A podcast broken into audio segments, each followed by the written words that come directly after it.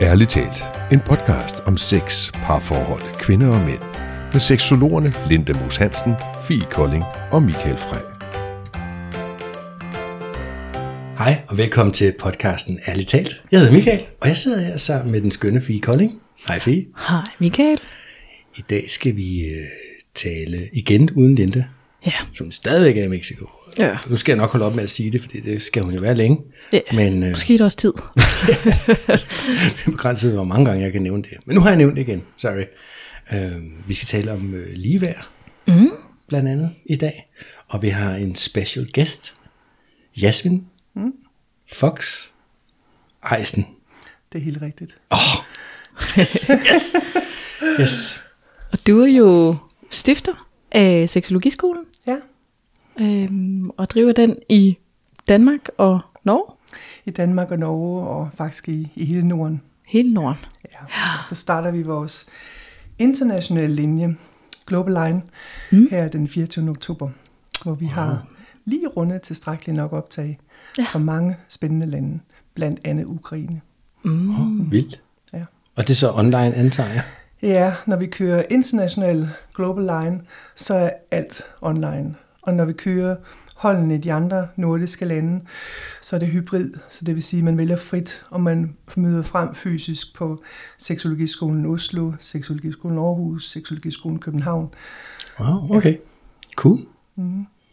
Og øh, ja, som jeg lige sagde før til så skal vi jo tale om ligeværd i dag. Ja, Ligeværd i, i forholdet, eller mellem, mellem kønnene, eller, eller hvad er det? Fordi jeg ved, det er et emne, som, som ligger der meget nært. Jeg tænker i virkeligheden, at når vi snakker omkring ligeværdighed, at vi bliver nødt til at tage de store globale briller på. Mhm. Fordi øh, vi kan godt starte med at snakke om det i ligeværd, i, i det seksuelle, i parforholdet, men vi kommer hurtigt ud af at snakke om ligeværdighed i familien, i samfundet, i et politisk, øh, ja, rent politisk, i verden i det hele taget. Så, så når jeg snakker ligeværd, så snakker jeg både om maskuline og øh, feminine energier i mennesket i sig selv og i parforholdet, mm-hmm. men jeg snakker også om globale værdier, værdier i vores samfund. Ja. Og det er jo selvfølgelig nogle store termer at tage i munden og sige, okay, nu skal vi lige snakke om det. Men jeg tror bare på en eller anden måde, at vi bliver nødt til at få det hele billede, øhm, i stedet for at arbejde ude i hjørnerne hele tiden, som jeg synes, vi tit gør. Okay. Mm. Jamen, øh, lad os kaste os ud i det. Hvor skal, Ja. hvor skal vi starte? Jamen, jeg, altså, jeg tænker egentlig, at jeg kunne fortælle lidt om, hvad jeg sådan har, har lavet inden for det område. Ja, meget gerne. Øh, og noget af det, som jeg er super glad for, jeg kan man sige, på Seksologiskolen har vi selvfølgelig de emner med. Det er klart, fordi mm. det, det optager mig, det optager folk. Og det, jeg synes, det er relevant. Mm. Øhm, og det her med, at vi kommer over og, og snakker om, jamen, hvilket køn er mest kønt, eller hvilket køn er mest værd. Jeg tænker, mm. hvis vi nu starter med at kigge på, øhm, hvilken værdi har manden, hvilken værdi har kvinden, for at der overhovedet er et i morgen. Jamen, hvis vi ikke har øh, mand, jamen så har vi ikke sæden til at befrugte ægget, uanset om det er inde i manden eller udenfor. Mm. Hvis vi ikke har kvinden, så har vi ikke ægget, der skal befrugtes. Mm. Så derfor er implicit kvæg biologien lige køn, altså lige, begge køn lige værdige. De har lige meget værdi. Mm. De er forskellige, men de har lige meget, meget værdi. Og jeg tænker, hvis vi starter der, så har vi en fundamental sandhed, som vi ikke kan komme udenom. Så kan vi tale om, om vi er lige, altså om vi er lige i, hvad vi kan. Nej, det er vi ikke. Vi kan forskellige ting som udgangspunkt. Mm. Ja. Men værdien er rigtig vigtig. Og den er også, øh, det er, at begge køn er lige meget værd, er, er en fundamental sandhed. Den bliver vi nødt til at holde fast i. Og hvis vi gør det, så er det meget nemmere for os også at snakke omkring lige stilling og så videre, lige løn og sådan mm. ting. De ting, det vil jeg lade lidt mere lade politikere om at snakke om, øh, fordi jeg snakker lidt mere omkring øh, os som kvinder og os som mænd. Mm. Det ligger også som mænd, men mænd og kvinder. Mm. Øh, I øh, 2019 der blev jeg interviewet til øh, den film, som hedder Woman af øh, Jan Andrus Bertrand og øh, Anastasia Mikova. Øh, Jan Andrus Bertrand er en af, af Frankrigs største filmskabere, og har blandt andet lavet øh, den film, som hedder Human, som er i tre volumes og ligger på YouTube, man bare kan se. Mm. Og han har også lavet de her fantastiske billeder, som er udstillet på Kongens Nytorv på et tidspunkt, Jorden set fra himlen. Øh, så han er, han er ret dygtig inden for sit område. Mm. Og øh, da de lavede filmen Human, øh, og kom, kom rundt og stillede spørgsmål omkring, jamen vil du fortælle mig også lidt om dit liv og så videre. Så var mændene der var meget med, hey, øh, jeg vil også gerne være med, og jeg kan fortælle det, og jeg har gjort det. Og det synes jeg er fantastisk, der er ikke noget galt i det. Men når man havde kvinderne på, så var det lidt mere, hvorfor spørger du mig om det? Øh, mm. Øh, har jeg gjort noget forkert, eller ved du noget om det? Eller jeg er ikke sikker på, at jeg vil tale om det. Men efterhånden, som de kom længere og længere frem i den film, og de optagelser, så var der flere og flere kvinderne, som løftede sløret for ting, de ellers ville skamme sig over, eller var mere mm. lige frem omkring, hvad de faktisk kunne, og de faktisk syntes. Mm. Så de begyndte at få en stemme. Ja. Så de besluttede sig til, efter den film, at øh, de ville lave en film kun omkring kvinder. Og den film, som kom så til hedde Woman. Og den film er, øh, der er der 52 lande, som medvirker. Og vi er, øh, der er 2.000 kvinder, som bliver interviewet og filmet. Mm-hmm. Og ja, i, 11, altså i, undskyld, i Danmark var vi 11 kvinder, som blev interviewet og filmet til den film. Mm. Og nogen blev valgt ud. Øh, og øh, jeg var en af de 11, som var med og blev interviewet og filmet til filmen. Okay. Og den handler om, hvordan man giver kvinden stemme. Mm. Så det er super vigtigt det her med at give en kvinde en stemme. Selvfølgelig også at give en mand en stemme. Ja. Det er ikke så lang tid siden, at kvinderne fik stemme ret. Mm. Øh, det er vældig vigtigt, hvis vi kigger ind på, på, på hjemmet og på seksualiteten og på parforholdet. I Danmark har vi jo nogle love, nogle regler, både omkring fysisk og psykisk vold osv. Det må vi ikke. Altså, mm. Det er strafbart. Alligevel har vi langt vej endnu. Mm. Øh, jeg vil sige, at vi her i Danmark og i Norden er nok nogle af de lande, som er længst på det område, så jeg vil sige, sådan nogle ting omkring ligeværdighed er faktisk, øh, jeg vil sige, en af de, de vigtigste grundværdier efter min mening i verden. Og, og de lande, som har mest af det, som jeg vil sige, at vi, og det er ikke for at polere vores glorie her, for det har vi også bestemt også områder, vi skal arbejde med på det område, vi er slet ikke færdige. Men vi er meget langt fremme i forhold til mange andre lande. Så mm. derfor vil jeg sige, at det er også et øhm, ligeværdighed, er også med høj eksportværdi. Mm. Fordi når vi har mennesker, som kommer hertil og bor her, og måske for en stund er, er frarøvet deres eget land, de kan ikke være der på grund af krig, eller de er måske politiske flygtninge eller noget, og når eller hvis så de flytter tilbage igen, fordi de savner deres land, de vil gerne ned og gøre en forskel der. Så det de måske har lært her, det de flygtede til, fordi her var der sikkerhed, her var der ligeværdighed, her var der ikke krig, og så videre, her var der noget frihed, mm. her var der kommunikation der kan de tage det med, og der er efter min mening øh, ligeværdighed en af de allervigtigste værdier, de kan tage med. Og jeg vil sige, at vi her i, i Norden nogle gange har det med ligeværdighed, som lidt ligesom, at vi ikke kan se skoven for bare træer. Mm-hmm. Fordi at vi har vældig vigtige øh, formødre, forfædre, som er gået før os, og som har kæmpet den her kamp. Så derfor er det sådan helt implicit for os, at selvfølgelig, altså selvfølgelig er en mand lige så meget værd som en kvinde. Selvfølgelig er en kvinde lige så meget værd som en mand. Det vil langt de fleste mænd og kvinder sige. Men det er ikke alle steder, man har det sådan. Der er steder, hvor der står sort på hvidt i nogle af de store bøger, at du må godt tage en kvinde, hvis hun er din kone, og du har lyst, så må du gerne tage hende, uanset om hun har lyst. Og det er et stort problem, at det står nogle steder, og man har også lovgivninger, som øh, lovgiver efter det. Fordi mm. så har, hvis man bliver slået eller tvunget til sex, så har man ikke et stemme. Man har ikke et stemme i sit eget hjem. Man kan ikke tale frit, man kan ikke leve frit, man kan ikke ånde frit, fordi man faktisk er truet på sit liv. Øhm, jeg har nogle lidt øh, kedelige tal her, som jeg godt kunne tænke mig lige at læse, for, for også at sætte tingene i perspektiv. Jeg kalder det tal, der taler højt. Mm-hmm. Ja. Øhm, og det er, øh, jeg, jeg læser det på engelsk, jeg håber det er okay. Mm. Ja. Det er vildt. Så an average of 137 women across the world are killed by a partner or family member every day. Okay. Så det siger 137 kvinder ja. Ja. bliver dagligt slået ihjel af deres partner Ja, eller en, som er på tæt gennemsnit. på. Eller en, Ja. en tæt relation. Ja. Mm-hmm. Og det, det, er, det er vældig slemt, tænker jeg. Jeg får helt på den negative måde gåsehud. Jeg bliver vældig ked af det. Altså Mm. bare, selvom jeg har læst de her tal, jeg ved ikke mange gange. Øh, Så derfor er det vældig, vældig vigtigt, at vi, øh, at vi som kvinder og mænd kan bevæge os frit, og vi kan være sikre i vores egen hjem, i vores egen relation. Øh, Og det kan mange kvinder ikke i dag. Mm. Så, øh, så jeg synes, der er, øh, også når vi snakker omkring politisk, at vi skal have demokratier forskellige steder. Mm. Det er jeg meget fan af. Selvfølgelig skal vi have demokrati i hele verden, og prøve at se, hvad der sker i verden nu her.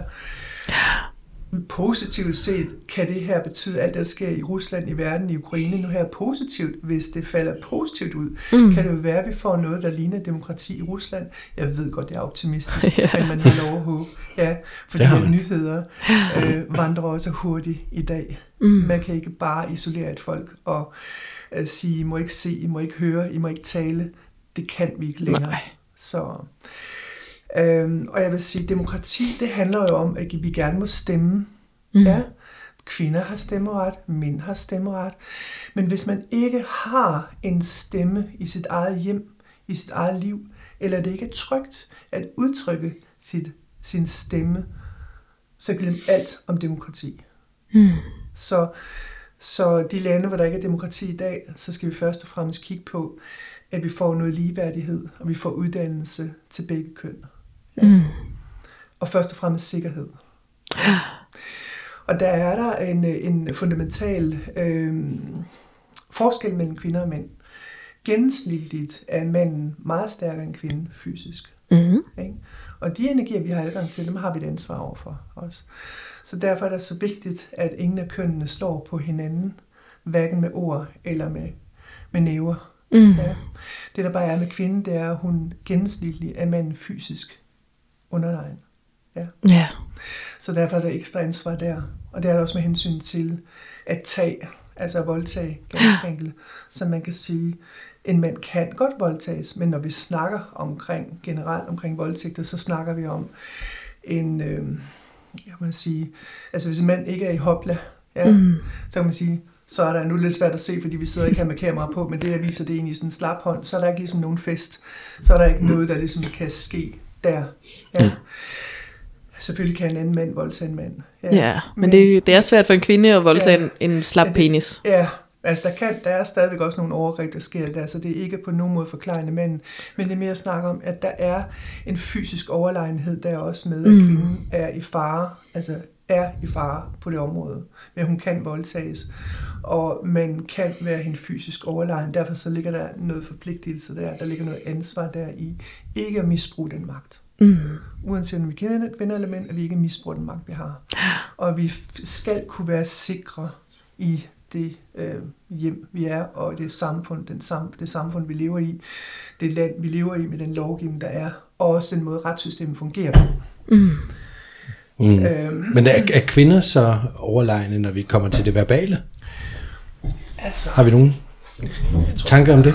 der er masser af Altså, der er masser af kvinder, der, taler, der, der, der ikke er særlig søde, når de taler om mænd, eller kan misbruge deres magt der, men der er ikke noget 50-50 på den måde. Hvis vi skal tale omkring den psykiske vold, som vi jo bevæger os ind på der, så har vi i gennemsnit øh, de, der udsættes for psykisk vold, der er 75 procent af dem, det er kvinder, og 25 procent er mænd. Så, øhm, så vi har desværre også en, en, øh, en overvægt der. Nu skal jeg lige skynde mig at sige, at jeg er vanvittig fan af mænd. Og vanvittig fan af kvinder. Så det her er ikke noget, øh, hvor jeg står over i et hjørne og siger, Mm. puh, her slemme mænd. Jeg vil faktisk også sige, at når vi snakker omkring psykisk vold, eller vi snakker om sexchikaner for eksempel, så de mænd, der udsættes for sexchikaner, ja, Mm. magtmisbrug, sexchikaner, de er faktisk dobbelt så lang tid om at hele op. Så de har, når man kigger på, øh, når man kigger på deres sygemeldingsperiode, så er den dobbelt så lang. Og det er fordi, at det er vældig tabubelagt at tale omkring, at man faktisk er, er blevet misbrugt af en kvinde, øh, er som blevet udnyttet. Mm. Øh, vi havde, da hele MeToo øh, startede, mm. så havde vi den her sag omkring en mandlig læge, som var blevet afkrævet sex, fordi ellers så kunne han ikke blive forfremmet, og det var en kvindelig overlæge, der sagde det. Mm. Så det er taget fra det virkelige liv. Så vi har masser, masser af områder, hvor kvinderne går om mændenes grænser, så det ikke kun et sted. Så jeg tænker, når vi snakker ligeværdighed, når vi snakker sexchikane, når vi snakker MeToo og så videre. Vi skal have fokus på, vi skal have det hele billede. Det er stadigvæk meget, meget stor skævvridning øh, til kvindernes side. Og det tror jeg er, fordi at der netop øh, ligger den her øh, magt, øh, som er fysisk og som er seksuel. Og så også fordi vi langt de fleste samfund i verden har et patriarkalsk øh, samfund. Og vi også har øh, mere fokus på, hvad kan man sige, mere maskuline værdier, ganske mm. Jeg kunne godt tænke mig at snakke lidt omkring øh, den psykiske vold, fordi øh, psykisk vold er jo nogle ting, som øh, det er lidt svært at se. Mm. Jeg plejer at kalde det de usynlige blå mærker. Øh, nu, nu nævnte jeg, at øh, de, som udsættes for det, øh, meget af den statistik, man har på området også her i Norden, der er 75 procent af de, der udsættes for det, det er kvinder, og 25 procent af mænd. Mm. Så vi har stadigvæk en kæmpe stor del af mænd, og det er meget tabubelagt. Øh, når vi snakker omkring den her psykiske vold, hvis vi kigger på de kvinder, som der er i krisecentrene, mm-hmm. øh, kvinder, der bliver nødt til at tage på center med, deres, med dem selv, med deres børn, så er det faktisk sådan, at den psykiske vold er, er mere fremherskende end den fysiske vold. Mm. Så de undersøgelser, man har lavet, viser, at mere end 90 procent af de kvinder, der er på krisecentrene, har været udsat for psykisk vold, og et langt lavere procent, jeg tror det er omkring 70 procent, den må I ikke hænge mig op på, men øh, det er lavere procent, der er udsat for fysisk vold. Så der er rigtig mange, der er udsat for fysisk vold, seksuel vold osv. Men det, man ikke snakker så meget om, det er den psykiske vold. Nu har vi haft den øh, første dom inden for det, for jeg tror det er to år tilbage, efter der kom en lov omkring, at psykisk vold rent faktisk er strafbart i Danmark. Det var sådan en dom, der var kædet sammen med fysisk vold. Mm. Så, men det er godt, at vi får fokus på det, fordi de her gentagende chikaner og gentagende, man kan kalde det voksenmobning, eller når tingene gentager sig, og det bliver øh, fornedrende og forkrøblende for et menneske, så er det vældig vigtigt, at det også er strafbart så vi anerkender den her psykiske vold. Ja, altså jeg synes i hvert fald også, det er meget spændende, den del af det. Altså sådan, du var lidt inde på det, den der sådan, altså hvornår kan man definere, at man er blevet udsat for det? For det er også sådan en ting, jeg tænker, der er mange, mm. altså grund til, at det måske også øh, ikke er noget, man snakker så meget om, fordi det er jo den der sådan, jamen, hvornår... Ja, hvor er grænsen? Hvor er grænsen, ja. ja. Altså, hvornår ja. kan man... Fordi det er jo ret nemt, hvis det fysisk vold er nemt. Ja. Fordi det er, når du rammer et andet menneske. Ja. Men psykisk vold, Ja, Præcis. du kan jo se, altså hvis vi nu tager den her Will Smith ting, mm. der ja. kører nu mm-hmm. her. Øh, jeg vil tro, når jeg starter med at tale omkring det her, at det deler vandene lidt. Så jeg vil sige, at det jeg ønsker øh, at sige nu her, det er for at bidrage Øh, jeg er ikke den øh, Gud den almægtige, hvis der findes sådan en, men øh, jeg bidrager øh, med min stemme, med den viden, jeg har, erfaring, jeg har, og uddannelse, jeg har. Så derfor vil jeg sige, at jeg synes, øh, at den her episode med Will Smith, som smækker en losing, øh, den er, det, det er en meget fin ting lige at tage fat på og tage udgangspunkt i. Mm-hmm. Øh, nu skete det jo til Oscar-uddelingen, så øh, der var jo fuld fokus på. Det må man sige. Ja, og vi havde Will Smith og hans øh, kone, øh, Jada, øh, på forreste række, så det var svært ikke at se, hvad der var, der foregik. I hvert fald det, som er obvious, altså det der er helt åbenlyst. Mm. Øhm, nu har jeg... Øhm, øhm, jeg starter lige lidt et andet sted, for at det mm. giver mening. Mm. Øhm, da jeg læste til seksologen, der læste jeg det første år på den, det tidligere Dansk Seksologisk Institut ved klinisk seksolog Birke Damøj Hansen. Hun er gået bort nu her. Vi har på Seksologiskolen arvet hele hendes fag hele hendes faglektie, eller hele hendes øh, fagbibliotek, så vi har et helt rum kun med klinisk seksologibøger. Åh, oh, spændende. Fedt. Ja, og så tog jeg de næste to år på Jødeborgs Universitet Psykologisk Fakultet, hvor jeg også øh, fortsat som underviser har været gæstunderviser, mm. og jeg underviser på Jordmorskolen også. Så Øh, og hvad vil jeg sige med det? Nu skal jeg lige se, om jeg overhovedet kan huske, hvad søren det var, jeg ville sige med det. Det har jeg fuldstændig glemt. Det er i hvert fald noget med at starte et andet sted i forhold til Ja, jeg historien vil starte om et andet Smith. sted. Hvad var det, jeg vil sige? Nu har jeg glemt det. Jeg har simpelthen glemt det. Nå, det kommer nok. Fordi det, der var åbenlyst for mig, kan man sige, uden jeg kender noget af historien. Ja. hverken for eller bag, det var jo, at han havde givet en, en dårlig joke omkring uh, hans kone, og han havde rejst sig Ja. resolut op og stak ham ind ja. På kassen, og så tilbage igen, og så fik han lige råbt, tag min kones navn ud af din beskidte mund. Nu kan jeg huske det. Det er faktisk, faktisk egentlig starte endnu længere tilbage, fordi inden jeg- læste øh, på Dansk Seksologisk Institut, så startede jeg et andet sted på medicinstudiet på Panum Instituttet for at blive øh, al- almindelig klinisk seksolog. Okay. Og så, kom, så tog jeg en afstikker, da det blev muligt at komme på, på Dansk Seksologisk Institut. Men jeg læste øh, knap to år på Panum Instituttet, og på det tidspunkt, der havde jeg, hvad der svarer til parallelt med det, øh, og i forlængelse af ni måneders øh, fuldtidsarbejde på psykiatriske og somatiske afdelinger. Okay. Og for at blive det, der hedder SP, SPV-vagt, sygeplejevikarvagt, så har man øh, nogle sådan udvidede kurser i førstehjælp og andre ting. Mm. Og en af de her ting, jeg skal sige, første reglen i førstehjælp, det er standsulykken. Ja. Derfor man blandt andet sætter advarsels trekant op standsulykken. Så noget af det andet, man lærer, det er, når man skal ud, og man skal hjælpe folk. Lad os så for eksempel sige, at der har været et kæmpe trafikuheld. Så lærer man blandt andet, der vil være nogen, der råber. Der vil nogen, råber, men det er godt. Øh, der vil også nogen, der skriger og råber, fordi de måske har fået en flænge på, på det ene ben. Der vil også være andre, der ikke siger noget, fordi de har slået hovedet og ligger bevidstløse. Mm. Så det er ikke altid dem, der råber højest, man skal lytte mest til eller kigge mest efter. Mm. Så det jeg mener, det er, altså, når man, øh, noget af det, jeg lærer at vide til mine elever på seksologiskolen, vores elever, det er jo, at der er en bevidsthed bag hver eneste ord, man siger, og hver eneste ord, man ikke siger. Hver Mm. eneste fakt, man gør, og man ikke gør. Så der er bevidsthed bag. Så når vi kigger på den her øh, situation øh, med Will Smith og øh, Jada og Chris Rock, komikeren, øh, så ligger der noget forhistorie. Mm. Og den forhistorie, synes jeg, er rigtig spændende. Og hvis vi skal kigge på psykisk vold, hvad er psykisk vold? Ja. Det er mange ting, og der er mange grader af det. Ja, men hvis vi tager én ting. Lad os lave for eksempel at sige, hvad er det, vi lærer vores børn? De må ikke mobbe. Mm. Vel? Så ved vi godt, hvad der sker med børn, hvis man gentagende gange siger, til dem, "Ey, du er grim og dum, eller, eller ej, det var bare en joke, ah, ha, ha, ha. Nogle gange, så siger man noget til nogen, der ligger ned, fordi man egentlig holder af dem, og man bare gerne vil joke med den. Man måske hjælpe dem og løfte den lidt. Øh, og nogle gange så griner den, man bliver, der, der bliver joket med, fordi at man griner sammen med, man griner ikke ad, man griner sammen med.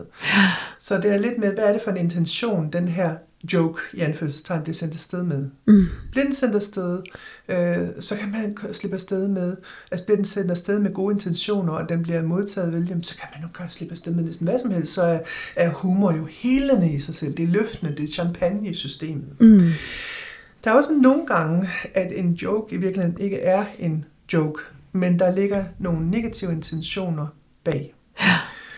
Så kan det være også godt, øh, lad os nu sige, at der ikke ligger negative intentioner bag. Så lad os nu sige, at den her ting, som han svinger afsted, øh, komikeren Chris Rock, hvor han joker med Jadas hår, mm. og han godt ved, hvorfor hun har klippet det af. Ja. Øh, der er flere ting i det, jeg kommer til andet step. Der er mange ting i det. For det første, så er det risky bisky, vil jeg sige, at der er flere millioner mennesker, der kigger på. Hun sidder på forreste række, hun kan ikke skjule sig, hun kan ikke gøre andet end at smile, ja, og så kigger hun op, fordi det går faktisk ondt, og det er ikke særlig rart. Mm. Så man er ikke i tvivl, når man ser hele scenen, at det her er ikke rart for hende. Mm. Så jeg tænker, hvis man nu, lad os sige som udgangspunkt, at den her, så at sige, joke er sendt afsted med gode intentioner, men den ikke bliver modtaget vel, så tænker jeg, hvis jeg jokede med et menneske, der ha- havde en sygdom, Mm. ikke bare var lidt for tyk eller lidt for tynd, men havde en sygdom, og derfor havde klippet sig meget kort, så tænker jeg, at det vil være på sin plads at sige, Jada, oh, I'm so sorry. Mm. I didn't mean to hurt you. So, excuse me. Og så skal man mene det. Mm. Ja. Yeah. For at, at skabe ligeværd. Eller? Nej, for, os, for ikke, uh, fordi at det er som en ordentlig menneske. Mm. Uh, det er meget mere end ligeværdigt, det, eller ligeværdigt er stort, som jeg tænker, bevæger mig lidt over på en anden bane nu her. Så øhm, Og hvis man øh, alligevel siger det, og man kan se, at den anden bliver ked af det, så er det ikke så godt. Mm. Fordi en joke, der er det altså bedst, når begge, når begge parter de griner bagefter. Mm. Ja. Så er der, så er der kommet den her, øh, så at sige, undskyldning fra, øh, hvad hedder det, Chris Rock. Øh, jeg læser den lige. Ja. Ja.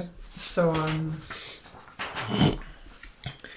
den er at den, øh, kan du se, hvad der står om det, 26. eller 28. marts? Ja, jeg skulle lige brillerne på. Ja, Ah. ah. med. 28. marts. Godt, tak for det. Så den er, øh, den er skrevet øh, den 28. marts 2022. Så skriver Chris Rock, I'd like to offer a sincere apology to Will and Jada. Så langt, så godt. Making light of her struggle with alopecia, alopecia uh, was perhaps tasteless, so let me just say that I'm sorry. Right? Så langt, så godt. Mm-hmm. Så hvis man nu laver en joke med nogen, som i forvejen ligger ned, og man finder ud af, at det var ikke så godt, de blev ked af det, så tænker jeg, så er det fint at holde den meget enkelt, så der ikke er noget, der kan blive misforstået, hvis man virkelig mener det. Mm. Og nu kommer problemet her, hvor jeg tænker, mm, det her er ikke en undskyldning. Og øh, så siger han, I didn't realize that Will had such a hair trigger temper. Mm. But that doesn't excuse my behavior, and that's the bold truth. Ja. Så han fortsætter, Mm. og han undskylder sig selv. Så hvis vi kigger på Will Smith, den er jo fuldstændig klokklar. Klar. Man slår ikke på folk. Man kan slå en brud, man kan slå planen, men man slår ikke på hinanden. Mm. Ja. Hvis det handler om selvforsvar, ja. Mm. Så ligger der også det, at øh, han går ind og siger, øh, at, øh, nu skal jeg lige prøve at se, finde, om jeg kan finde citatet her. Øh, den film, som han øh, joker med, at hun kan blive nummer to Ja. i, hvor Ja. det, også, det, det er en film, som Demi Moore har spillet, hvor hun også var klippet helt skaldet. Og det, der er oven i det, det er, at hun fik øh, prisen som værste Worst Actress. Demi Moore fik Races pris som Worst Actress for rollen i G.I. Jane. Så det her er en joke, som er endnu dybere. Plus det har han tidligere joket med hende og udstillet hende. Altså Så det- Jada. Ja. Ja. Ja, så det vil sige, der ligger noget, der ligger noget, hvad kan man sige, man bliver ved med i anførselstegn at joke, men nogen, som ikke synes, det her er rart og sjovt. Mm. Og så har vi altså noget, der trapper op til chikanering, og nogen vil kalde det psykisk vold. I hvert fald der, hvor man får ondt i maven. Og som regel, hvis man får ondt i maven over det, så er det som regel, fordi det er noget, der ikke er rart. Og hvis man som komiker i anførselstegn tænker, at det her det er okay, så tænker jeg, at vi har et problem. Og hvis man som institut, Oscar, tænker, at det her det er okay, man ikke ser det, men man kun straffer det, som er obvious, nemlig losing for Will Smith, så har vi et problem. Jo, det synes jeg jo, jeg har set faktisk. Nu har jeg jo børn også, mm. og jeg synes, jeg har set flere eksempler på, hvor, hvor, det, hvor det for eksempel mellem søskende, den ene driller den anden konstant, drille, drille, drille hele tiden. Hold nu op, hold nu op, hold nu op. Til sidst så slår den den anden lille søster, eller hvad ved jeg. og, og så er det den, der har slået, der får kæmpe ballade, hvor det måske er den anden, der har irriteret en hel dag. Altså, et eller andet sted kan jeg jo godt forstå reaktionen. Øhm, jeg siger ikke, den er i orden, men jeg kan Nej. faktisk godt forstå det. Og jeg vil lige sige med, med Will Smith-episoden, jeg sad i sådan en selskabelig lag med forskellige mm. mennesker forleden dag, og det delte virkelig vandene. Mm. For nogen synes faktisk, det var ret fedt, han stod op og forsvarede sin kvinde. Mm. Og andre sagde, "Det- man må jo ikke slå. Nej, jo, det var i sådan en situation, hvor man godt. Altså, der var virkelig nogen, der mente, det var okay. Mm. Øhm, og jeg tænkte sådan, mm, jeg kan godt se det, det maskuline i at, at stille sig op og sige, nu holder du, altså, han skulle måske have givet en advarsel eller et eller andet. Men altså, det han gjorde, det synes jeg egentlig var ret maskulint, men, men stadigvæk forkert. Mm. Men, Jeg tænker, Giver mening? Ja, ja det giver Altså, det er sådan lidt, Øhm, jeg, jeg tænker, at øh, hvis, man sådan, hvis man kigger på det her med at være forældre, så ved vi godt, at når man er under 18 år, ja, eller når man er voksen, og man, har, man er forældre, og man har børn, så er der, man skal gribe ind, man skal tage børn til side og sige, nu skal du høre, det der no-go, det må du ikke. Vi skal forklare, vi skal drage op med kærlighed og viden. Vi skal tage ansvaret der. Så det ikke ender ud i, at der bliver slået Øhm, jeg vil rigtig gerne sætte øh, to cirkler eller firkanter omkring det, der skete der. Will Smith, forkert. Chris Rock, forkert. Mm. Jeg tænker altid, når nu vi snakker om børneopdragelse, hjemme hos os, der er, vi, der er der fire, ikke børn længere, men unge mennesker. Jeg har det, det jeg kalder B og B, det betyder ikke bed and bed, det betyder ikke her bed and breakfast, det betyder bio, bio og bonus. Så jeg har to skønne, egenproducerede, eget, egenborgne børn, øh, piger mm. på 14,5 og på 17. Det er fantastisk, det er ligesom, at man selv er i pubertet igen. Også. mindst lige så mange hormoner, der drøner rundt, tror jeg. og så har jeg en øh, bonussøn på 24 og en bonusdatter på 21, så, så der er mange. Der. der er mange. Ja, og øh, nu har jeg glemt igen, hvad det var, jeg vil sige. Jeg tror, det er, fordi jeg kørte eksamen med 47 mennesker. Ja, det er det her med børnene, ikke? Og, og, ja, og, så, og, altså, at vi, at vi ligesom opdrager, vi viser altså, vejen, hvordan vi skal gøre, hvordan vi ikke skal gøre. Vi har noget ansvar der. Så jeg vil sige, øh, med jo, det jeg vil sige var egentlig, at når der er nogen, der laver noget, som de ikke skal lave, eller har lavet noget af vores børn, de ikke skal lave, så tager jeg dem altid ind, vi snakker, jeg hører, hvad de siger, de hører, hvad jeg siger, eller så siger jeg, nu er du lige på banen, nu lytter du efter. Sådan det. Men vi lytter altid til hinanden. Og så spørger jeg tit, hvis du nu kunne lave det her om, hvis du kunne spole tiden tilbage, mm. hvad vil du så gøre? Og jeg tænker på den her, hvis vi nu kunne, lad os sige, det var en film, det var en scene fra en film, nu vil vi bare genindspille den, så den, den bliver noget, vi bliver glade for at se. Ja. Mm. Så skaden ikke bliver mere skadet. Mm. Øhm, så lad os sige, at den her joke, den er lige blevet joke i anførselstegn, så efter min mening på ingen måde er en joke. Den er ren chikane, og den er også øh, psykisk vold, fordi at når man har en øh, kvinde, som øh, er syg og er klippet sig skaldet af den grund, og hun sidder på første parket, og hun har millioner mennesker, der sidder og kigger på hende, og han har været efter hende, ikke bare en gang, men flere gange, mm. og han både joker med hendes hår, og han joker med hendes profession som skuespiller, og hun er dygtig, dygtig skuespiller, har haft øh, virkelig nogle seje roller, Matrix og så videre. hvordan skal hun reagere? Det er en lang ydmygelse. Både hende som, øh, som øh, skuespillerinde, skuespiller og, og som menneske. Og man joker ikke med folks sygdom. Medmindre man er virkelig sikker på, at det her falder i god jord. Mm. Nå, så den her sige joke, som efter min mening på ingen måde var en joke fra Chris Rock. Øhm, hvordan ville den have spillet sig ud, hvis jeg skulle have skrevet den her scene? Mm. Jo, så vi starter der med, at han er fyret af. Ja. Vi kigger ned på Will Smith, vi kigger på Jada, vi ser de begge to griner, fordi når først man hører noget, som egentlig skulle være en joke, og alle folk griner og smiler, jamen, så griner man automatisk. Mm. Indtil at den ligesom lander hos hende, hvor man kan mærke, åh oh, nej, nu ikke igen, hvis jeg skulle sætte tekst på. Det ja, ja. tror, hun tænker. Hun tænker, au, det gør ondt, ja, det rammer mig. Så kigger hun op, himler med øjnene og tænker, åh oh, nej. Så ser hendes mand det her. Der vil jeg gerne have haft, at han havde rejst sig op, blevet på sin plads. Hvis han bare havde rejst sig op, så havde han ikke været fysisk truende på den måde intimiderende.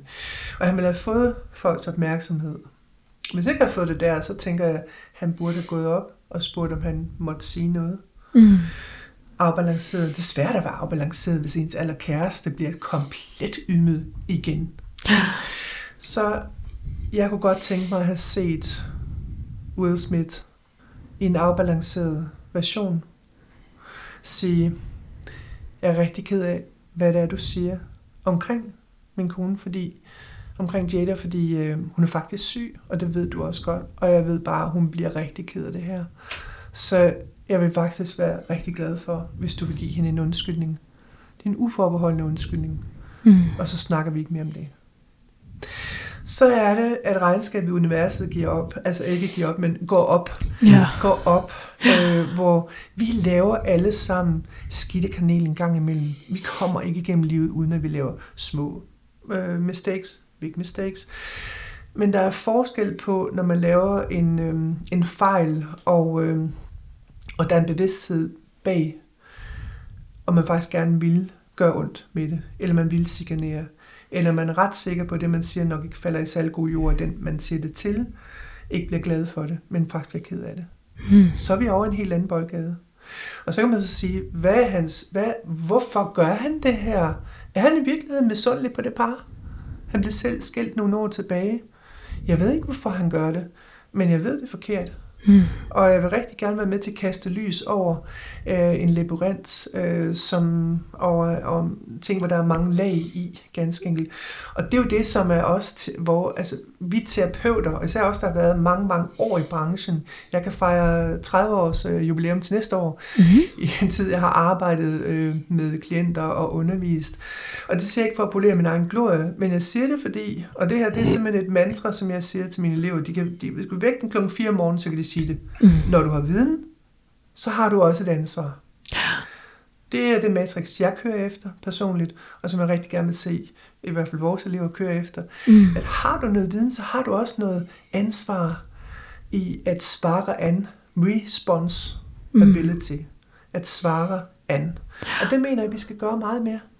Tag det ansvar og sige, nej, det var ikke, selvfølgelig måtte han ikke slå forkert, men, eller ikke men, selvfølgelig måtte han ikke slå, og selvfølgelig måtte han ikke lave det her Chris Rock. Mm.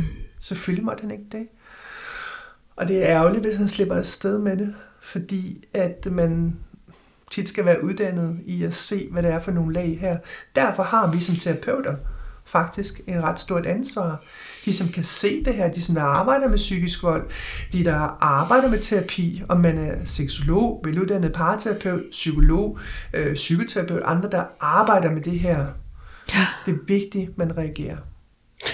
Men hvis jeg lige må hive den tilbage til Danmark et øjeblik, ja. så tænker jeg, igen, det der med, hvis det er fysisk vold, og du har slået en, det, det, det er jo tydeligt, og det, det, det ved du, du har ja. gjort. Ja. Hvis, hvis det er psykisk vold, er, lad os sige, overfaldsmanden, kvinden, så altid klar over, at det er det, de har gang i? Nej. Eller ved de nogle gange bare ikke bedre selv? Altså, Forstår du spørgsmålet? Ja, jeg forstår det udmærket. Øh, ja, den som udøver altså, ja, den, det psykiske. Jeg er helt med Ved de, at det rent faktisk er vold? Altså jeg tænker, øh, nu bevæger vi os næsten over, helt over i en undervisningssession. Vi har, vi har tre dage med undervisning omkring ren psykisk vold i, på, på seksologiskolen, på, deres, eller på parterapeutuddannelsen, ja. de ting vi går op i. Og fordi det godt kan være svært at se. Så øh, hvis nu kigger på, vi kan alle sammen blive sure. Altså vi kan alle sammen blive sure, vi kan alle sammen blive vrede, vi kan blive ud af os selv, out of office, fordi vi har fået for lidt søvn, vi har fået for lidt i løn, vi har fået for lidt eller for meget sex, vi kan være alle mulige all over. Mm. Jeg kender ikke nogen, der på et eller andet tidspunkt ikke har, altså, som ikke på et eller andet tidspunkt har sagt, en idiot, eller ja. hamret en øh, potplante afsted, måske ikke lige øh, mod nogen, men i gulvet. Altså, jeg kender ikke nogen, der ikke på et eller andet tidspunkt, hvor, hvor der er fløjet en finger af fadet eller noget. Forskellen er, at øh, man tager ansvar. Så dem, der har været op at køre en dag, har man været op at køre en dag, og man har sagt et eller andet til sin kæreste, man ikke skulle, så rammer det en selv lige så meget. Hmm. Fordi man er et empatisk menneske. Øh, og for det også fordi man ved, det her det er ikke mig. Jeg var ude af mig selv, og det vil jeg ikke gentage. Og så siger man undskyld. Undskyld betyder, at man er uden skyld. Ja, det har bare ikke gjort bevidst. Eller jo bevidst, det er jo i hvert fald ikke gjort, fordi man, hvad kan man sige, virkelig har lyst til at være sådan, eller man oprigtigt ønskede at skade den anden. Mm. Hvis vi så har gentagelse nummer to, øh, hvor man gentager, og man siger, ah, men, øh, um, by the way, det er, øh, det er jeg ked af, og det gør jeg heller ikke igen, men man gør igen og igen og igen, så bliver det, så bliver det en krænkelse. Mm. Ja. Øh, og så er det jo der også, vi kan snakke om, at der er en bevidsthed bag. Hvis der er sådan, at et menneske bare ikke kan lade være med det, så har vi øh, ganske udmærkede steder som dialog mod vold, hvor øh, mennesker, øh, som har de tendenser, kan gå i gruppeterapi og få noget hjælp. Vi har ikke så mange øh, deciderede øh, hjælpesteder til offrene af psykisk vold. Mm. Det er noget, vi arbejder rigtig meget med, at vi uddanner terapeuter til at kunne det her, og vi har både dygtige parterapeuter, vi har dygtige psykoterapeuter, som også er, øh, har den her overbygning i parterapi, eller psykologer med overbygning i den her parterapien, som inkluderer, parterapeutuddannelsen, der inkluderer psykisk vold. Vi har specialistuddannelser i psykisk vold. Mm. Ganske enkelt. Ikke hvordan man gør det, men hvordan man hele det op. ja, det lige understrege. Så, øh, så, og så kan vi gå helt over i psykopatien, Altså, en af dem, som jeg er stor fan af, det er Svend Skorterud, en norsk psykiater, som siger noget i stil med, de mennesker, som tænker, der ikke findes psykopater, de kender ikke de mennesker, hvor til den uh, titel, den passer. Eller mm. diagnose, hvad vi skal kalde det. Ja, ja, ja. Så der begynder vi at snakke om, altså hvis jeg begynder at snakke om det sted ondskab, at det er kalkuleret kontrol, vold. Der er en øh, ganske udmærket bog, som vi bruger på uddannelsen, som hedder Why Does He Do That? Why does he do that? Uh, inside, the inside the mind of angry and controlling men. Så der er primært fokus på, på manden. Det er efter min mening nok den bedste bog til dags dato, der er skrevet omkring psykisk vold. Så er der en omkring til kvinderne efter, og som også kan bruges af mænd, efter man har været i et psykisk voldeligt forhold, hvad det desværre rigtig mange, der har været. Mm. Og den hedder It's My Life Now. Mm. Øhm, jeg kan ikke lige huske forfatterne, men den her bog, der hedder Why Does It Do That? Hvorfor hedder den det? Mm. Altså, så sådan en bog, der hedder Why Does It Do That? Men det gør den, fordi at det, det er koblet op på, at der er rigtig mange kvinder, der siger, jamen, hvorfor gør han det her mod mig? Og så igen og igen og igen. Når han siger, at han elsker mig. Og han også nogle gange giver mig de vildeste komplimenter. Han er den har givet mig de bedste komplimenter ever. Og han siger, at jeg er så flot, og jeg er så det ene og det andet. Så, men, og nu laver vi faktisk godt lave sådan en, en, en cirkel tilbage til øh, ligeværdighed. Mm. Fordi det øjeblik, at en kvinde eller et menneske bliver objektiviseret, ja, øh, jeg har den her genstand, den her kvinde, hun er min. Ja? Mm. Så jeg kan sætte hende op på en pedestal, jeg kan tage hende ned på en pedestal. Jeg kan slå hende, hvis jeg vil det, og jeg kan, hvis hun øh, gør det og det, så siger jeg bare, jamen, øh, det var også fordi, at du sagde det til mig, så slog jeg dig. Så en person, som udøver psykisk vold, tager meget sjældent ansvar for sine handlinger. Ja.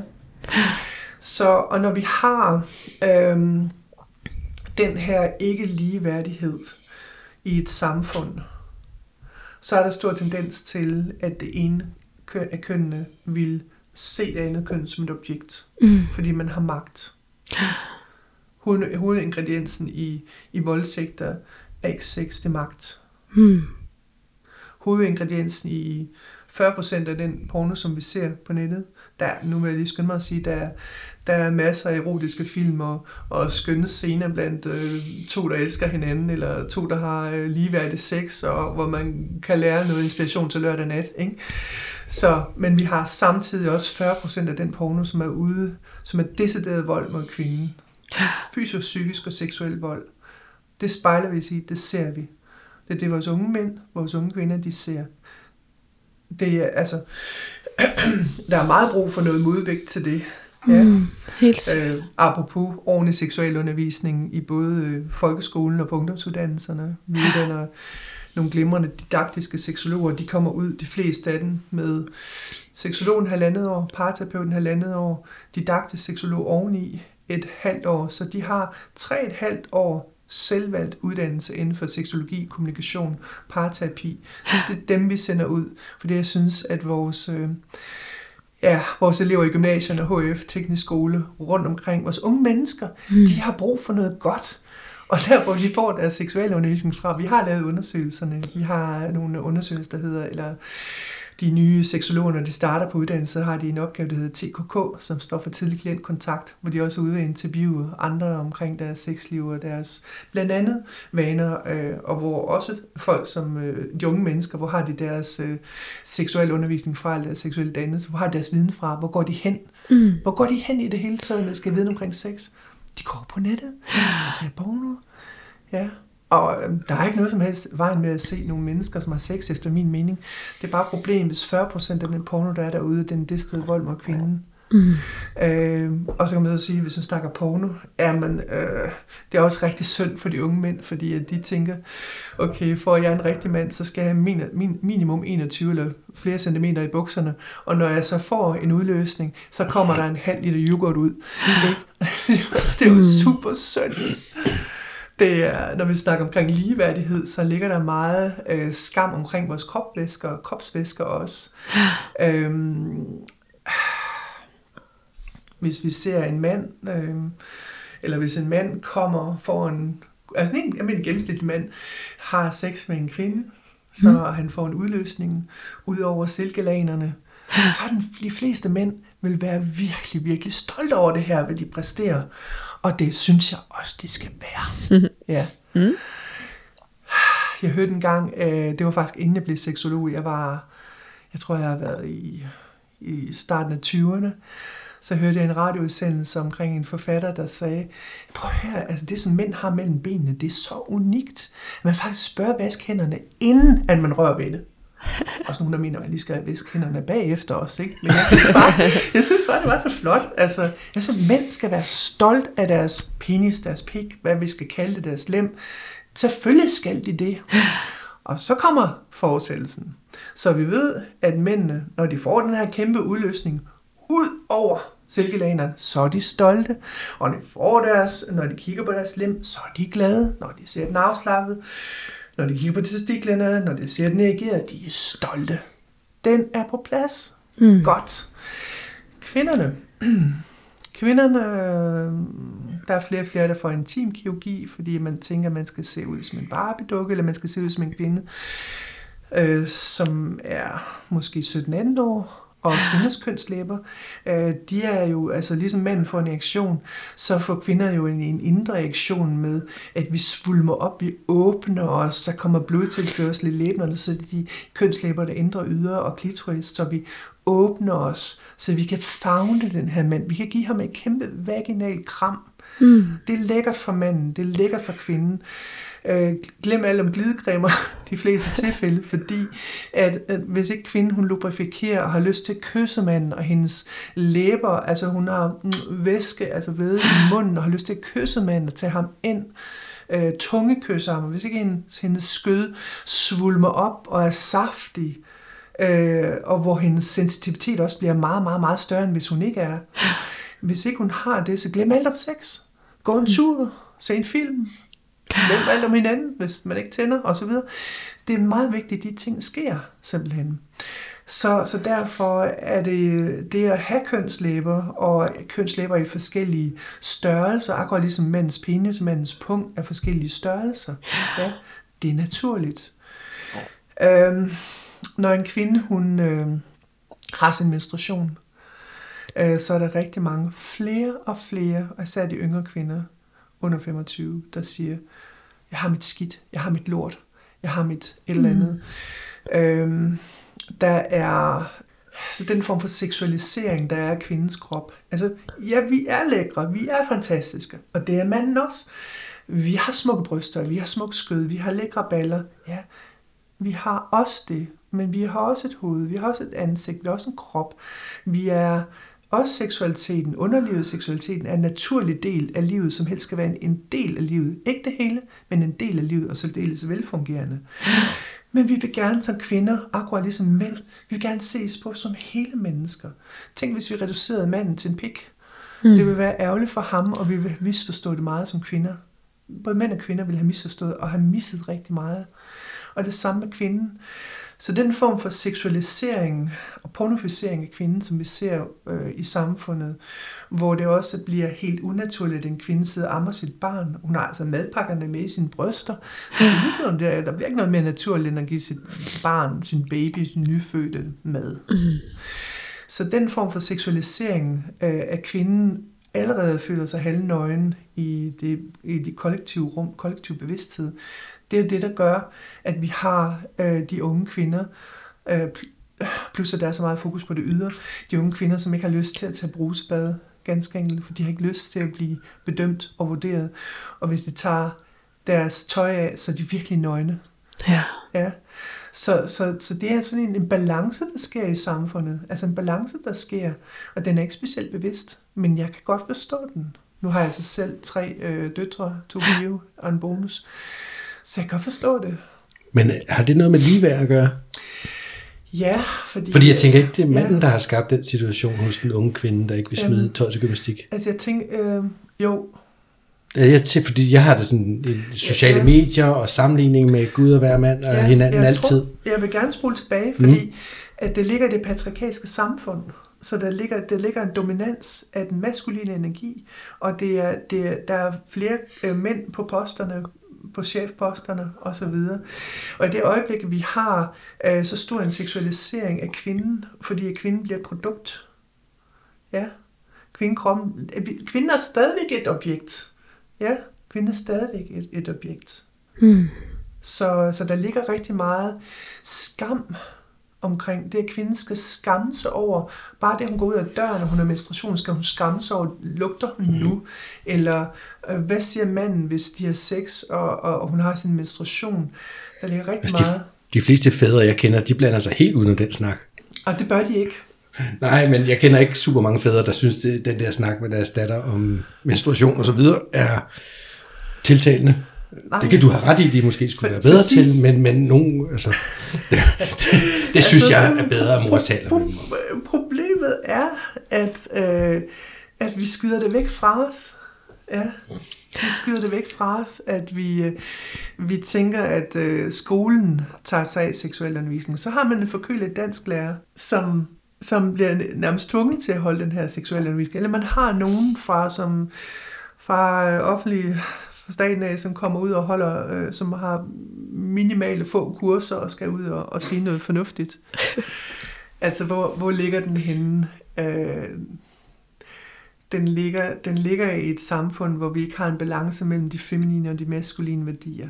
Selvfølgelig skal både faren og moren snakke med både pigen og drengen. Og det er super vigtigt. Det er super vigtigt, at vi tager den hjem. Øh, når vi laver seksuel undervisning i skolerne, så laver vi en briefing en aften, hvor vi simpelthen øh, briefer forældrene om, hvad det er, de kommer til at undervise i. Og der, der har vi en liste med, med mindst 10 seksologer og parterapeuter, for ved I hvad? Når vi kan sætte, sige det til dem, og de bliver egentlig faktisk forskrækket over, hvordan det egentlig står til osv., øh, så er der rigtig mange andre, der siger, jamen vi vil så gerne, men vi ved ikke, hvordan vi skal, og hvad kan vi fortælle, og går vi over deres grænse, skal man bruge noget for sit eget liv, hvad kan man? Og så er der rigtig mange, som også har deres egne problemer stadigvæk. Så derfor er det super vigtigt, at vi giver øh, forældrene nogle redskab til, sådan her kan du tale med dit barn. På den her måde griber du chancen. Mm. Øh, altså, der er nogle ting, hvor jeg sætter mine børn ned, mine unge mennesker, så siger nu er du lige på mås, og nu hører du efter. Og så er der andre ting, hver gang de kommer til mig og åbner op, så svarer jeg. Ja. Øh, og det har jeg ret meget held og lykke med. Så jeg vil sige, at det her det fungerer i praksis. Øhm, så er der det også, at der er mange af forældrene, som har brug for selv at få noget hjælp, og det skal de have lov til. Øh, helt anonym, så der har vi altid en liste med, som, hvor de kan søge noget hjælp, hvis de har brug for det. Og hvem har ikke brug for hjælp til sit sexliv eller sit samliv en gang imellem? Mm. Altså prøv at tænke på, at man var 15-16 år, altså frem til dag. Ville det ikke være fantastisk, hvis man bare kunne have chattet med en, eller gået på øh, online i en halv time eller en time, og fået noget køndig feedback? Ja, Mm, altså, 100%. Ja, så seksologer og parterapeuter er faktisk ret vigtige faggrupper for mennesker. Og især i en verden, hvor tingene går stærkt. Fordi at øh, noget af det, vi kan, det er, at vi kan tale omkring seksualitet. Mm, altså det er i hvert fald det også øh, helt sikkert det, jeg sådan oplevede, så nu har jeg selv været ude at undervise, øh, øh, det var 9. klasse, jeg tog, så det ja. er i sådan lidt yngre også, men det der med, at altså, at de jo også, altså, de, jeg havde, øh, det ved jeg ikke, 15 piger eller sådan noget, mm. og de havde jo en milliard spørgsmål. Ja. Fordi de ved jo ikke, hvor de skal få hjælp hen. Altså, og det der med, at, at de kunne spørge omkring, om det ja. var normalt, at, at det ene brystvort gik lidt nedad, andet ja. gik opad. Altså, du ved, sådan nogle ja. helt små ting, hvor de måske har prøvet at google sig til det, men, men de har jo ikke nogen at spørge. Det er fantastisk. Altså, altså det der med, at de er... Og, og, og hvis vi nu, altså, hvis vi nu prøver at skulle lege, at vi, øh, altså, vi vil få vores seksuelle kundskaber via porno, som langt de fleste unge mennesker gør i dag. Mm. Så vil det svare til, at når nu vi ser reklamerne, og der kommer sådan en uh, øh, Dr. Oetkers pizza, mm. med, som vi godt ved er lavet af hvid mel, og der er en lille smule uh, tomat ketchup på, og lidt hvidløg og et par forkølet broccoli. Ja, mm. så altså, når vi ser den reklame, så ser vi jo en mand, der bærer den til sin elskede, og de sidder ude med udsigt over Paris, og de har masser af kærlighed. Så hvis vi skal uh, undervises i, hvordan vi laver mad, eller det her, det er god ernæring, så ved vi jo godt, at vi er undernæret, vi bliver fyldt med tomme kulhydrater. Mm. Right? det kommer til at gå dårligt. Det er det samme i det øjeblik, at vi erstatter ordentlig seksualundervisning. Øh, og seksualundervisning, altså og relationsundervisning, eller adgang til viden omkring seksualitet, samliv, det skal vi have livet igen. Fordi mm. seksualiteten, den starter i det øjeblik, at mennesket, at det lille barn bliver undfanget. Altså, så begynder tingene at pulsere. Og den fortsætter helt indtil hjertet stopper med at slå, selv hvis man bliver dement. Så er seksualiteten der stadigvæk, selv der, hvor vi ikke har bevidsthed om den. Mm. Så vi skal have adgang til at vide noget om seksualitet hele livet igennem. Vi uddanner ældre terapeuter, fordi når, altså jeg tænker, nu, nu fylder jeg 54 i år, jeg kan godt love for, at jeg var 6, når jeg er 60, det vil min mand også. Mm. Så altså, men det kan jo godt være, at der er nogen, som jeg selv som seksolog har brug for også at spørge, fordi at de måske har mere viden, end jeg har på det område. Ikke? Mm. Så vi skal have adgang til den pulje omkring viden omkring seksualitet, samliv, kommunikation, always. Og det er så vigtigt i en verden, hvor tingene går stærkt, fordi at vi kan som faggrupper, seksologer, parterapeuter, specialister inden for området, der kan vi minde mennesket om at være det moderne menneske, om at være et rigtigt menneske, et helt menneske. Fokus på det hele menneske. Ja, uanset hvor mange robotter vi får, uanset hvor hurtigt går, ja. uanset hvor mange krige der er i verden, osv. Okay. Men altså, jeg synes jo faktisk, øh, hvis vi lige skulle lave sådan en lille oprapning her, fordi vi nåede faktisk ret vidt omkring, hvor ja, det, hvad skal man sige, hvor sådan overtemet øh, var jo ligeværd, men det, og det er jo godt sket det der med, at tingene ikke altid sort-hvidt. Altså, at der er jo mange nuancer i det, og det er jo, mm. jamen, forsvinder ligeværet, når vi drager over i fysisk vold og psykisk vold, og vold, og hvornår er vi der, og i forhold til magt og ansvar, og at vi tager den del af det, og uvidenhed, og hvad skal man sige, lidt omkring sådan porno, og den påvirkning, som mm. også gør, at ligeværen kan forsvinde, eller kan opblomstre. Mm. Så det der med, at jeg tænker, at sådan, sådan hovedpointerne er ligesom det her med, at, at vi har alle sammen et ansvar. Ja, og, og når vi har viden, så har vi rigtig meget ansvar i at være med til at kaste lys over. Øh, og som man siger, God is in the detail. Mm. Så altså, hvis vi bladrer lidt, altså vi kigger, nogle gange skal vi længere væk fra at se, hvad der foregår. Nogle gange skal vi helt tæt på og kigge ind i detaljen, hvad i alverden foregår der. Hvis vi ikke kan se det, prøv at spørge nogle andre. Ja. ja. Så vi må fortsætte snakken yeah. om det her vigtige emne. Mm. Men det bliver en anden dag. Ja. fordi øh, nu vil jeg gerne sige tak, fordi du kom. Ja, men tak, fordi jeg måtte komme. Og man kan finde dig på Instagram. Er det med, med Seksologiskolen, ja, man skal finde? Seksologiskolen, ja. Og Facebook, Seksologiskolen. Og så ligger vi på Islands Brygge, Gunnløksgade 1. Mm. Lige ud til vandet over for Kulturhuset, så man er velkommen forbi. Vi holder introer øh, den første onsdag i hver måned. Så er der online intro kl. 19. Mm. Så der kan man høre noget mere om, øh, vi har 41 uddannelser i alt, sammenlagt 20 øh, års uddannelse, så man kan godt lære noget. Det må man, man sige. Halleluja. Men tusind tak, fordi du kom, Jasmin. Ja, og... kom. Det, var, det var dejligt at være her. Tak, fordi jeg måtte komme. Selvfølgelig. Mm. Og tak for at jeg gør os lidt kloge. Ja. Igen igen. Ja, igen igen. og tak for gode spørgsmål. Mm. Og til jer derude, tak fordi I lyttede med. Vi høres videre om 14 dage. det gør vi. Hej. Hej. hej.